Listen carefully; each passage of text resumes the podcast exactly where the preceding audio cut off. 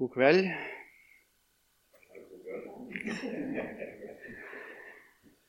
Takk for sist. Jeg kommer fra Fogn. Jeg har vært der noen dager. Og nå sitter jeg med akkurat samme tankene i meg som en Ruben Fjell fikk når han kom her på møte for noen uker siden. Jeg har med hilsener fra Ruben og Sunniva, de som er bosatt på Fogn nå. Jeg kjenner dem godt fra Trøndelag. Han, jeg tror han var og preka her søndag formiddag. Og han sa det til meg Jeg trodde ikke jeg kjente noen på Fogn. Nei, nei på, på, på, Lura. Men jeg kjente jo alle. og jeg har aldri vært her før heller. Jeg tenkte ikke jeg kjente noen mange, i hvert fall. Men uh, det er heller motsatt. Det er ikke mange jeg ikke kjenner. Så det er underlig med Guds folk. Det er underlig med dette nettverket som uh, mange av oss har fått erfare. Jeg var elleve år når jeg fikk komme tilbake til Jesus. Jeg hadde tatt et veldig bevisst valg på at jeg ikke ville følge han. Uh, men det å ikke tro på Jesus og bevisst ha gått bort ifra ham, det, det, det, ga meg ikke den gleden og friheten som jeg hadde tenkt å sette for meg da. Så på en eh, leir på Laberget, leirsted i Skogn, det var nybygd det da, 1970, da fikk jeg komme tilbake. Det var et eldre ektepar der. De var nok en god del mindre enn yngre enn det jeg er nå. Men jeg syns de var steingamle. De sang og vitna, og jeg sier det de sang meg tilbake til Jesus. Og den lørdagskvelden, når det var vitnemøte, da, så reiste jeg meg. Og jeg torde ikke å si noe med mine egne ord. Men jeg leste en sang av en Mathias Orheim. Jeg tenkte dog levde i syndelivet vilt. Skal jeg en kristen vært, da er all med gleda spilt. Men dette var et mistak så stort som ingen finner. Nå er jeg glad som aldri før, for nå er Jesus min. Ja, hadde jeg levd ut i syndelivet vilt? Ja, spørs hvilken målestokk du legger på det.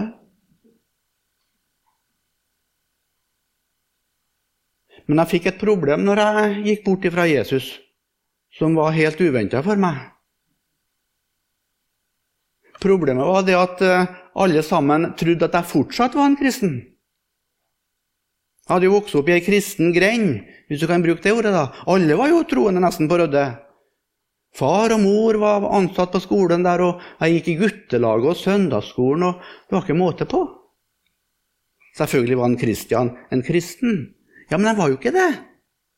Hvordan skulle jeg få sagt dem at jeg ikke var det? Jo, jeg fant svaret. Jeg var rolig fordi at nå skulle jeg banne så mye og snakke så mye stygt at de nok forsto at jeg ikke bekjente Jesu navn lenger. Og jeg gjorde det. Og det er for en liten gutt å gå rundt og høre sin egen stemme uttale sånne ord. Det var nesten så jeg hadde dekning, syns jeg. Jeg tenkte da jeg levde i syndelivet vilt. Det var noe uhyggelig over det, syns jeg, da. Men det jeg skulle si nå, det var noe som sto litt lenger ned i den sangen. I et annet vers der står det sånn Jeg tenkte at jeg aldri mer venner skulle få. Når jeg med bønefolket som leser skulle gå. Men hvor jeg dreg i landet og ferdast ut og inn, jeg venner finn som aldri før, for nå er Jesus min. Ja, hadde jeg noen erfaringer med det, da? Å reise rundt i landet og, og finne venner som aldri før? Ja Det var en gutt fra Stjørdal òg på den leiren. Han bekjente Jesu navn, han òg. Øyvind het han. Og en fra Trondheim òg. Knut Meinert.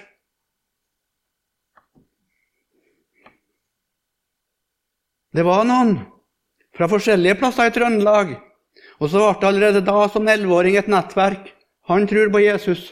Han tror på Jesus. Jeg vener Finn som aldri før, for nå er Jesus min. Og det kan jeg nå si nå, i alle fall, som gammel mann, at det er sant, det sangverset der. Aldri vært på fogn før. Mange jeg ikke har helst på i hele mitt liv. Men jeg visste med en gang her er det brødre og søstre. Jeg kan gi deg navnet på 5 og 10 og 15 og 20 landsbyer i Afrika. Jeg har kristne brødre der, søstre der. På vei mot det samme mål. Samme far. For en rikdom! For en rikdom! Og så kommer inn her. Jeg har brukt så lang tid på å komme meg inn at jeg holdt på å fikle med høyttaleren etter at møtet hadde begynt. Ja, For det var så mange jeg måtte snakke med, liksom, og stoppes med. og ja. Veldig rikdom. Jeg vener Finn. Ja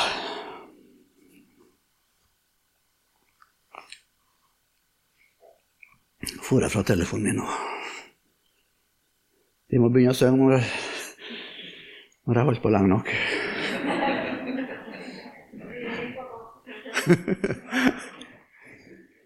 Det er ikke noe klokke her? Nei. Ja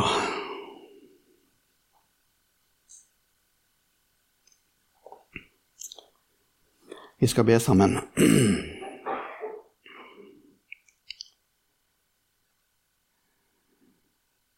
Kjære Far i himmelen, i Jesus Kristus.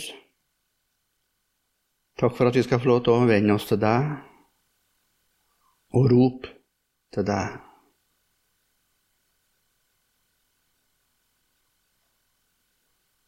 Jeg har lyst til å takke deg for huset her. Jeg har lyst til å takke deg for alle dem som var med og riste huset her. Jeg har lyst til å takke deg for alle dem som står i arbeid i dag og tar ansvar. og bruke tid og krefter på å skape møteplasser og møtepunkt mellom mennesker og deg, Jesus. Takk for hver og en som har funnet sin heim her i forsamlinga, og som lever troens liv, Jesus. Takk for alle som har bedt for møtene her. Takk for hver og en som har bedt for meg og nevnt mitt navn innenfor din trone, Jesus. Og takker deg for de hellige samfunn, for vennskap og fellesskap. Takk for det vi har fått i møte nå. Velsign fortsettelse av Jesus i ditt navn. Amen.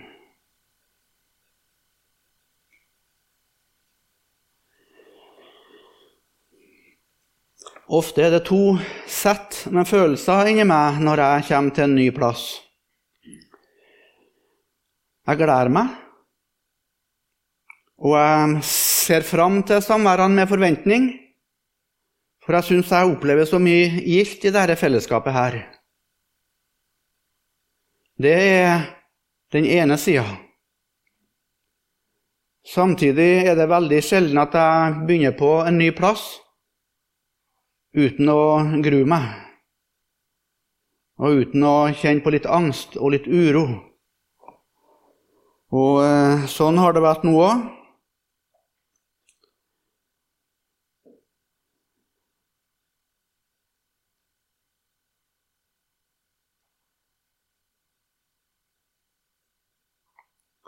Og det hender jo når jeg sitter på flyet eller sitter på bussen eller toget, så kommer jeg i prat med sidemannen. Og En av de vanligste måtene å på en måte begynne en samtale på, det er å spørre hva vedkommende driver på med. Så jeg får jo det spørsmålet noen gang. Og når jeg sier da at jeg Ja, jeg bruker jo litt forskjellige ord, merker jeg meg. Jeg noen ganger sier jeg at jeg er emissær. Jeg kan si forkynner, jeg kan si evangelist, jeg kan si reisesekretær. Kjært barn har mange navn. Men da hender det ganske ofte at eh, jeg får eh, tilbake Ja, fins dem ennå? Fins dem ennå? Og så kan noen si Jeg husker på mormor snakka om noen sånne. farmor. Ja, det var noen kanskje i vår heim òg, eller i nabohuset. Det var noe. Men at det er sånne nå Og det er jo ikke så mange nå. De fleste som ansettes i kirke og misjon og på bedehusene i dag, de blir bufast på et hus. Men å være omreisende, er, den flokken er, er skrumpet inn da, år for år.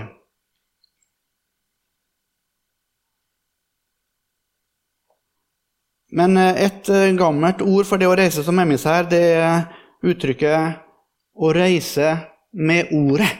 Har du hørt det ordet? Eller det uttrykket? Å reise med ordet.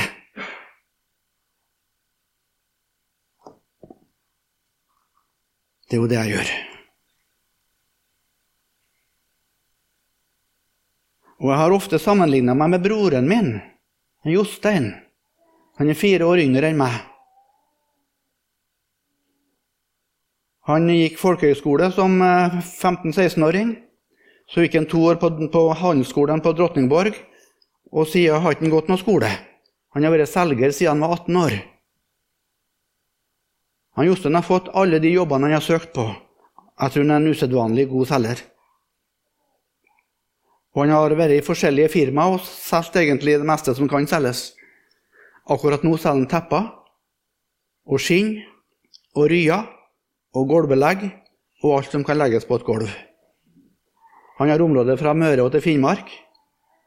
Og han har mange flere reisedøgn i året, han som selger, enn jeg som emissær. Jeg misunner Jostein noen gang, for han har liksom en skikkelig jobb. Han reiser med teppa. Jeg reiser med ordet.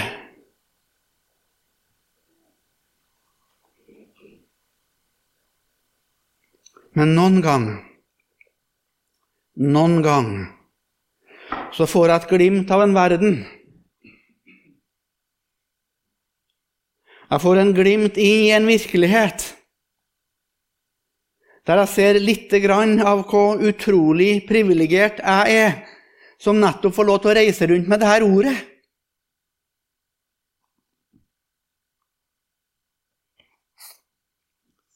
Har du hørt uttrykket 'bare ord'?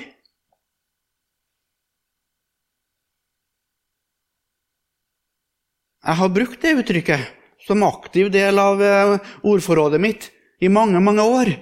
Bare ord.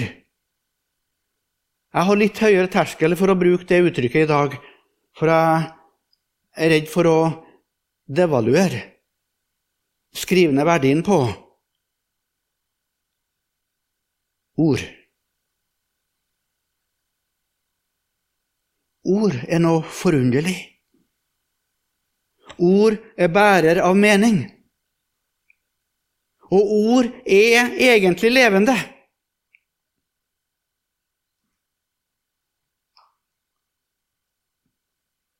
Jeg har vært vant til å tenke at det er jo Gudsordet som er levende. Og det er det jo. Vi skal lese om det snart.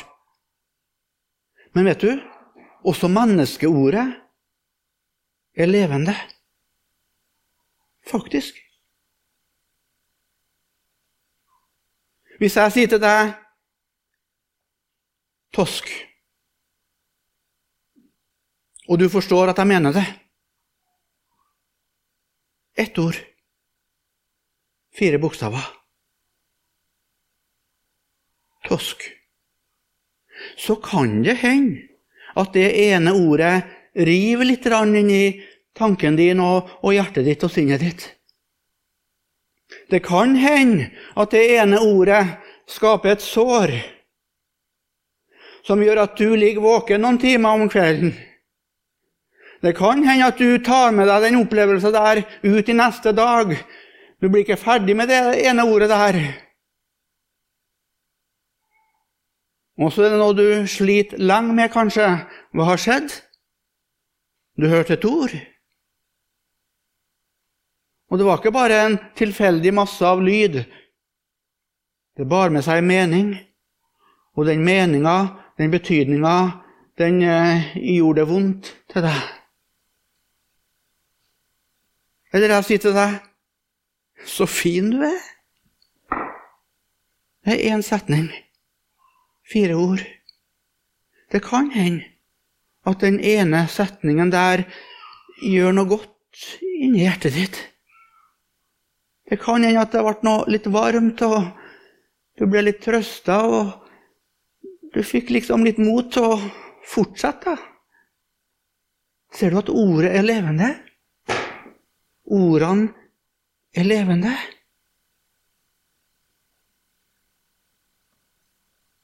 Hvor mye mer levende er Gudsordet, du, du, enn menneskeordet? Hvor mye kraftigere? I Isaiah 55 står det som himmelen er høyere enn jorden, er mine tanker og mine veier, og vi kan legge til mine ord, høyere enn deres veier og tanker og planer og ord, sånn som himmelen er høyere enn jorda. Hvor mye høyere er himmelen enn jorda? Er det noe, har vi noe mål på den avstanden der? Hvor langt opp må du reise for å møte himmelen? Vet du, vi har ikke noe mål. Etter alt det vitenskapen vet i dag, så er det ikke noe mål. Det er umålelig. Sånn er det med Gudsordet i forhold til menneskeordet. Så mye høyere er det. Så mye visere er det. Så mye sterkere er det og så mye mer virkekraftig er det som himmelen er høyere enn jorda. Tenk, da. Tenk hvor jeg reiser med.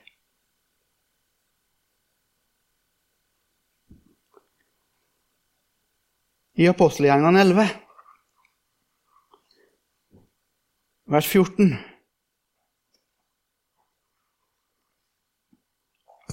Apostelgjerningene 11, vers 14. Der er det Paulus som forteller om noe som hendte han. Han var i en landsby der ved middelhavskysten som heter Joppe. Og så fikk han besøk fra noen utsendinger fra en by lenger nord der i Israel, Cesarea.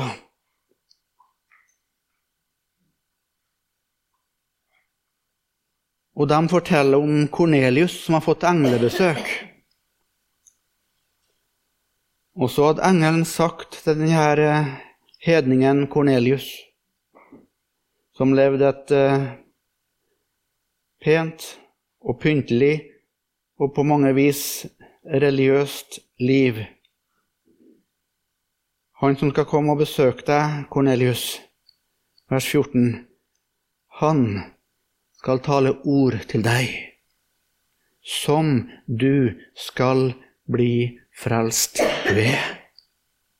Han skal tale ord til deg. Bare ord? Ja, bare ord. Men levende ord. Hvor levende er de?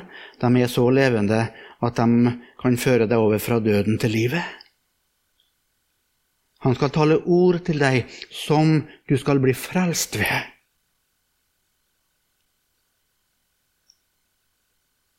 enn om jeg har hatt ei flaske. Ei flaske nedi veska mi der. Ei flaske med en medisin som garantert kunne helbreda alle typer av kreft.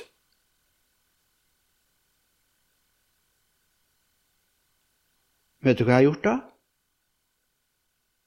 Da har jeg bedt noen av dere om å overta her. Og så hadde jeg bedt om å bli kjørt ut til Sola. Jeg skulle ha prøvd å, prøvd å funne meg et fly som kunne ha fått meg hjem til Melhus i dag.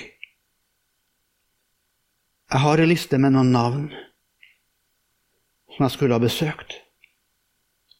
Og det skal jeg love deg, jeg skulle ikke ha vært tungbedd. Jeg skulle ikke ha vært vanskelig å be når det gjaldt å besøke dem som jeg visste hadde denne sykdommen, for jeg hadde noe som kunne hjelpe dem.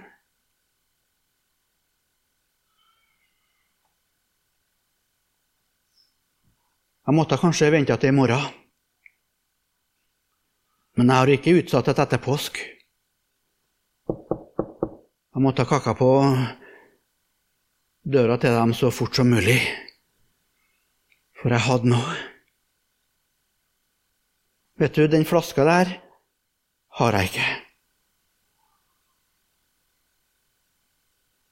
Men jeg har noe som er enda kraftigere og enda mer livgivende. Den medisinen kunne kanskje utsatt døden, men likevel, han som fikk min medisin, og som ble fri kreften, vil allikevel ubønnhørlig bli innhenta av døden en dag.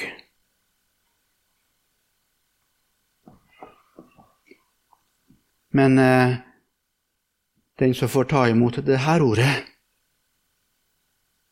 han får noe som ikke bare utsetter døden, men som tilintetgjør døden og gir del i det evige livet. Han skal tale ord til deg som du skal bli frelst ved.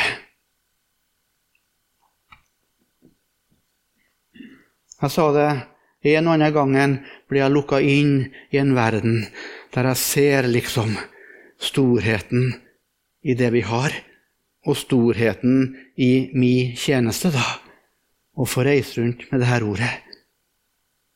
Mer kunne ei engler begjære enn gå med så salig et bud. Og vi sang det til åpning her. O Jesus, åpne du mitt øye. At jeg kan se hvor rik jeg er.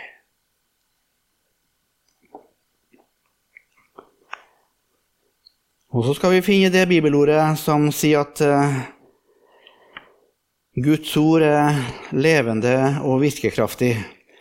Det står i Hebreerne, kapittel 4.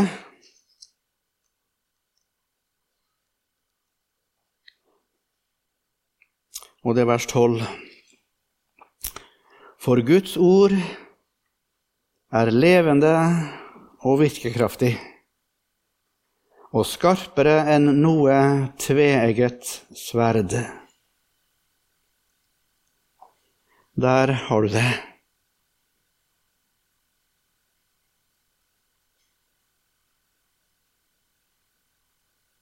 Og jeg blir glad. Jeg blir oppriktig glad når jeg kommer til en plass som er her, og så vet jeg jo ikke helt sikkert, kanskje, men jeg fornemmer. Jeg syns jeg merker en tru, en tru blant dere. En tru på det her ordet. En tru på at ordet faktisk er levende og kan gjøre noe og kan utgjøre en forskjell og være virkekraftig. Det er så mye snakk om virkemidler i dag. Vi må bruke forskjellige virkemidler og, og bruke nye virkemidler. Og ja, rett forstått så skal ikke vi si nei til andre virkemidler. Men vi må aldri begynne med nye virkemidler fordi vi ikke lenger tror på Guds ords virkekraft. Det er jo en tragedie. Det er jo en tragedie. For det er bare Gudsordet som kan skape nytt liv. Det er bare Gudsordet.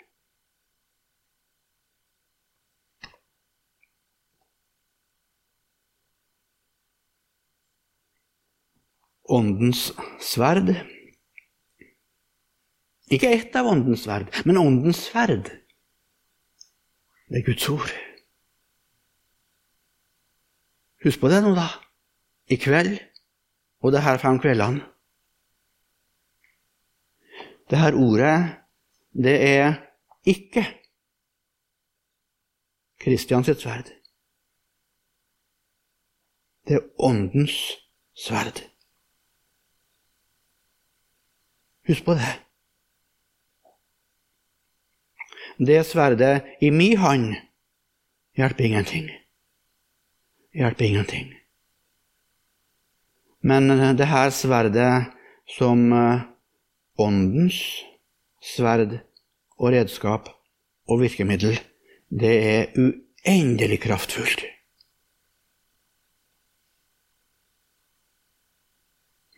Og så skal du høre på meg. Du skal høre på meg bare hvis, og bare i den grad, du merker at jeg løfter fram ordet. Hørte du det? Og forsto du det? Hvis du merker at jeg bærer fram noe som jeg ikke henter fram av ordet, så trenger ikke du å komme på møtene. Og da skal ikke du høre på meg. For Jesus sa det veldig, veldig, veldig tydelig. Én er deres lærer. Det er én som er deres lærer, de som går her på Lura. Det er bare én. Samme hvilken tittel han har som bærer fram noe annet. Enten det er forkynner eller evangelist eller prest og prost og biskop og Kall det hva du vil. Hvis du merker at den bærer fram noe annet enn det læreren bærer fram, så skal ikke du lytte til han. For én er deres lærer. Bare én. Det er han som er sannheten. Han er ikke én av mange lærere. Han er læreren med stor L, i bestemt form entall. Og han er sannheten i bestemt form entall. Hva sier det igjen? Bare i den grad jeg løfter fram Guds ord. Bare i den grad skal du lytte på meg. Jeg har ingen myndighet. Jeg har ingen autoritet. Jeg har ingen rett til å komme hvis jeg ikke kommer med Guds ord. For det er det alene som gir meg myndighet og autoritet. Men på det grunnlaget så kan vi være et myndig folk og et myndig lekfolk for vi vet hvem som vi tror på. Og vi henter våre lærepunkt, og vi henter vårt trosinnhold. Og vi henter substansen til våre prekener. Håper jeg. Bare i Guds ord.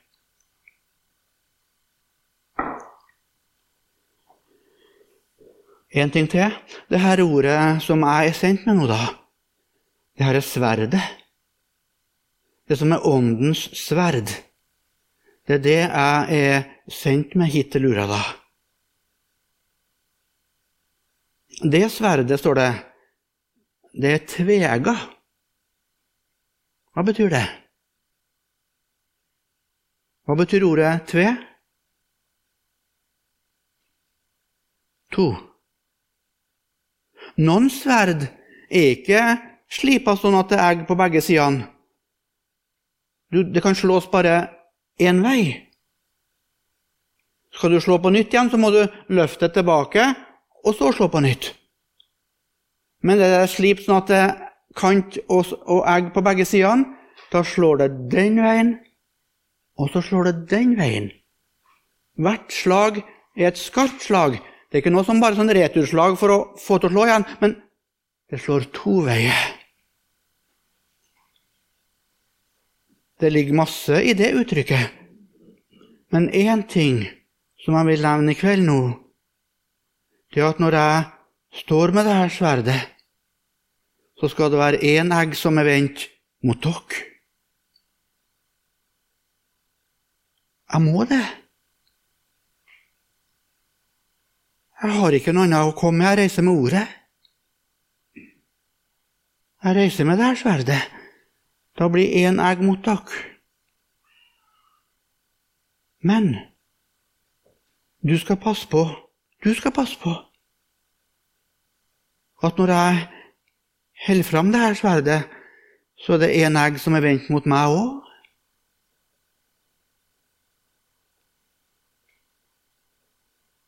Ordet skal slå mot meg òg. Det skal berøre meg. Det skal stikke meg. Det skal såre meg. Det skal få noe til å blø også hos meg. Gudsordet vil alltid slå to veier.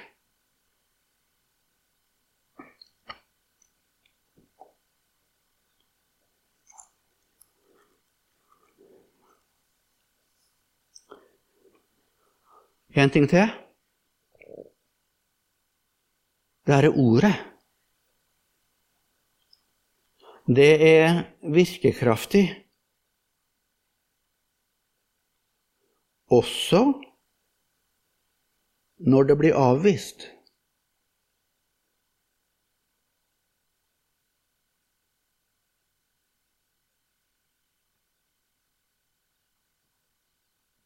Hørte du det?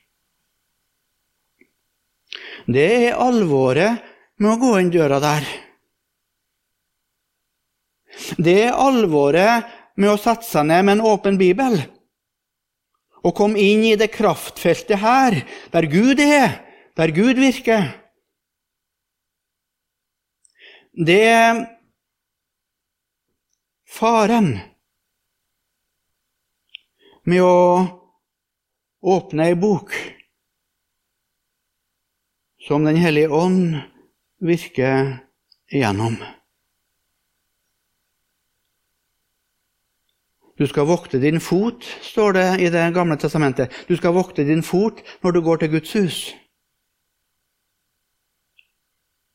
Det skal ikke være en liten sak å høre Gud tale. Vi skal ikke ta lettsindig på det å høre Herrens røst.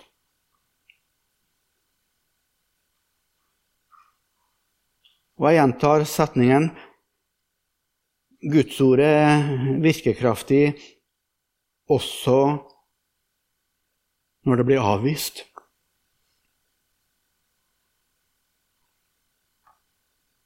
Regnet fra himmelen.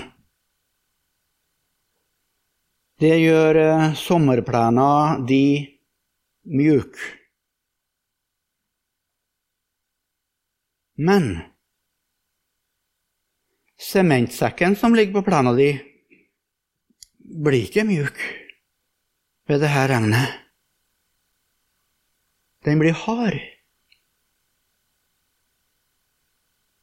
Ser du det? Det var to ting som ble utsatt for den samme påvirkning ovenfra.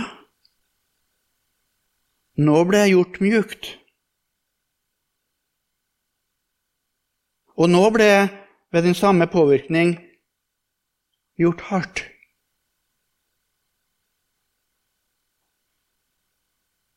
Nå hører vi på Guds ord. Du kan eh, ydmyke deg for dette ordet. Da får det gjøre sin Gud vel behagelige gjerning i deg. Men hvis du lukker hjertedøra di og ikke vil bøye deg for det her ordet, også da virker ordet. Men da virker det hardhet. Hvis du nå, akkurat nå, sitter med den tanke og den grunnholdning i deg at eh, ja, jeg skal nok passe på å sile ordet og bare ta til meg det jeg hører i kveld som passer meg da, og passer livet mitt òg. Hvis ordet blir for nærgående Jeg må nå innrømme at det er sannhet, men hvis det blir for nærgående og pirker på ting i livet mitt som jeg egentlig ikke vil forandre og ikke vil gi slipp på, da, da vil jeg ikke høre det. Jeg advarer deg. Den holdninga må du ikke sitte med. Da er det faktisk likere at du ikke kommer på møtet. For nettopp når du er under Guds ords påvirkning, og blir ført fram til et punkt der du vet nå taler Gud, og det her burde jeg egentlig bøye meg for Men hvis du ikke vil det, så, så går du ut av møtet litt hardere enn det du kom. Du har på en måte herda deg litt. Ordet virka, men det virka ikke mjukhet og mottagelighet, men det virka hardhet.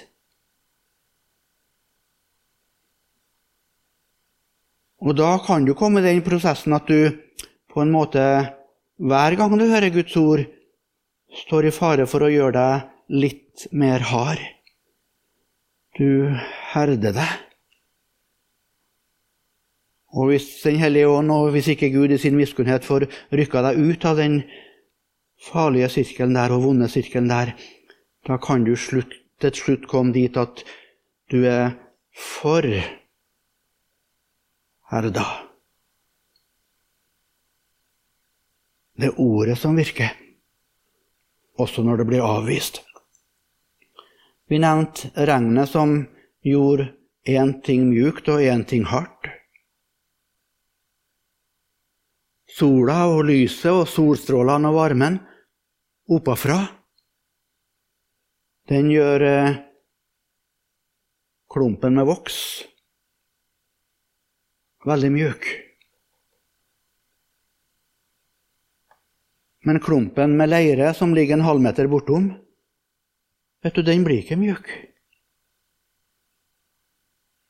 Den blir hard. Der har du det igjen.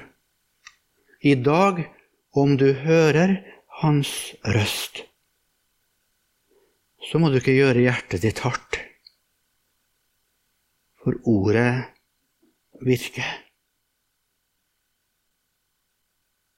Det er levende og virkekraftig.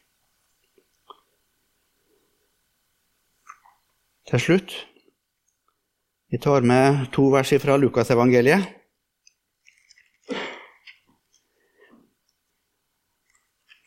Kapittel 7. Der ser vi det i praksis, hvordan Gudsordet virker.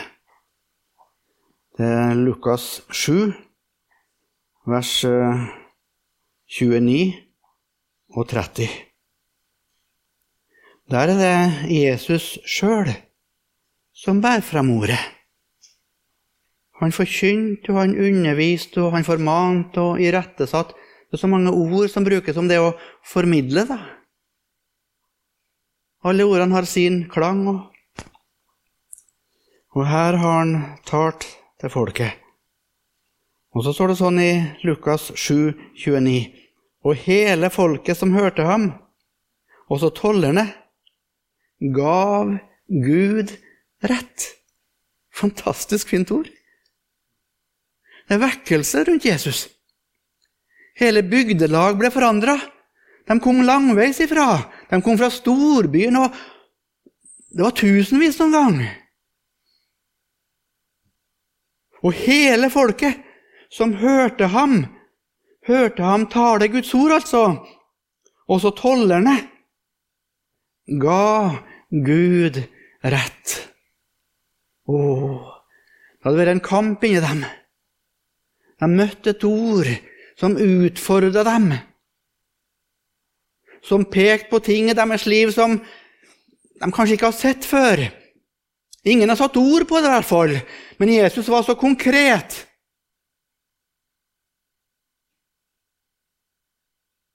Og så ble det en kamp inni hver enkelt kampen om de skulle gi Gud rett eller ikke. Om de skulle bøye seg for dette ordet eller ikke. Og så står det så vidunderlig vakkert her, da, for denne flokken. De ga Gud rett. Jeg står for Gud, som allting vet, og slår mitt øye skamfullt ned. Jeg ser min synd, at den er stor, i tanker, gjerninger og ord. Det er meg gjennom hjertet skjær. Å Gud, meg synder nådig vær. Det er tolleren i tempelet, det. Han opplevde det der. Han sto ikke for mennesker. Han sammenlignet seg ikke med mennesker. Han sto for Gud. Naken, sårbar.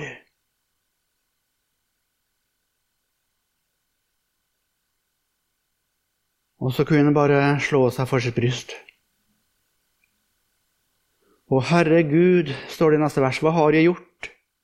Kast meg ei fra ditt åsyn bort. Ta ei din hellige ånd fra meg. Men la ham lede meg til deg, den rette angers vei meg lær. O Gud, meg synder nådig vær. O Jesus, la ditt blod, din død, meg berge ut av syndens nød. Forkast meg ei, hjelp at jeg må, rettferdiggjort ved deg få gå. Ned til mitt hus og gledes der, og Gud, meg synder nådig vær. Det var en som ga Gud rett. Og Her er det en stor folkemengde som gir Gud rett. Og lot seg døpe med Johannes' dåp. Johannes' ståp, det var botståpen, det. Vi har eh, hatt askeonsdag for en stund siden. Det var en gammel tanke hos våre fedre at eh, boten hører fasten til. Det å bokstavelig talt kle seg i sekk og aske og gå inn for Guds ansikt, lukke døra bak og så kaste seg ned i bønn og anger og omvendelse. De ble ikke døpt med Johannesdåpen uten at de bekjente sin synd. Ser du rekka? Der var det de fine fruer. Og der var det dem som hadde et navn i synagoge og i samfunn. Og så var det også tollere og syndere og alle typer mennesker.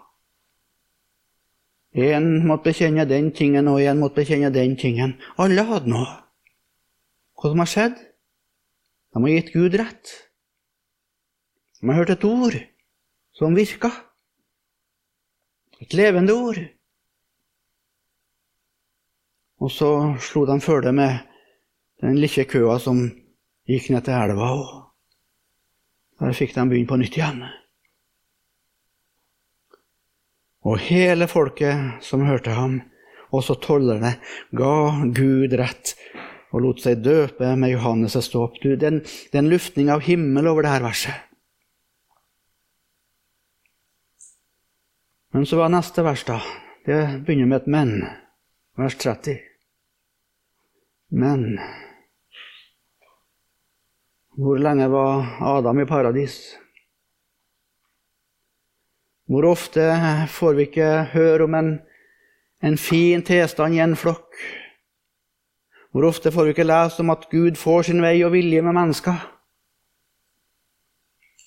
Hvor ofte har ikke du gleda deg over ting i familien din og i storfamilien din og i hverdagen din? Men så er det på så mange områder likevel et men.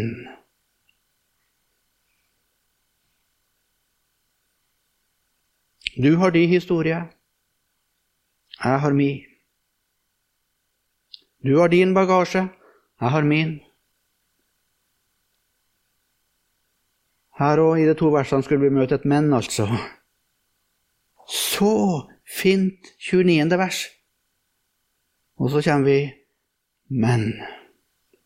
Men fariseerne og de lovlærde gjorde Guds råd til intet for seg og lot seg ikke døpe av ham. Det var en flokk, utsatt for den samme påvirkning ovenfra. Hørt det samme budskapet. Merka det at nå, nå tar det Gud. Men eh, ordet ble ikke til frelse og vekkelse for dem. Men fariseerne og de lovlærde gjorde Guds råd til intet for seg. Hva er Guds råd? Det er Guds plan, det. Guds frelsesplan. den som ble planlagt i evighet. Ikke kom til meg etter møtet og spør hvordan var det med den frelsesplanen i evighet. Jeg forstår det ikke. Men det står nå om at Gud fatta en plan bak i evigheten før himmel og jord ble grunnlagt, om at Jesus skulle sendes til jord til soning for alle mennesker sin synd. Og så skulle det frie evangeliet ropes ut. Kom, alle de som strever har tungt å bære, kom. Kom og hvil. Kom og få mat. Det er ferdig nå. Kom til bryllupet. Det er Guds plan, det er Guds råd. Men her er det en gruppe mennesker altså, de gjør Guds råd til intet for seg. Merk deg hvor nøyaktig Guds ord er. Det står ikke at de gjorde Guds råd til intet. Nei, det er ikke gitt noe menneske å gjøre Guds råd til intet. Han skal nok føre sin sak fram til seier om du ikke vil bli med, og jeg ikke vil bli med. Gud er Gud om alle mann var døde, og Gud er Gud om alle land var øde. Den saken står fast, men de gjorde Guds råd til intet for seg. Ja. Guds råd står fast, men de sjøl ville ikke la seg gripe av denne frelsesplanen. Så gjorde de hjertet hardt, og så gikk de bort. Og de slo ikke følge med den flokken som gikk ned til Jordans bredd. De greide seg veldig godt uten synderdåpen og botsdåpen.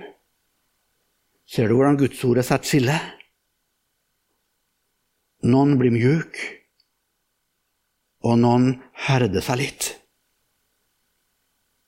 Og det er med den egentlig litt skumle tanken at vi er samla til møte her i kveld òg. For Gud er den samme i dag. Den hellige ånd er den samme.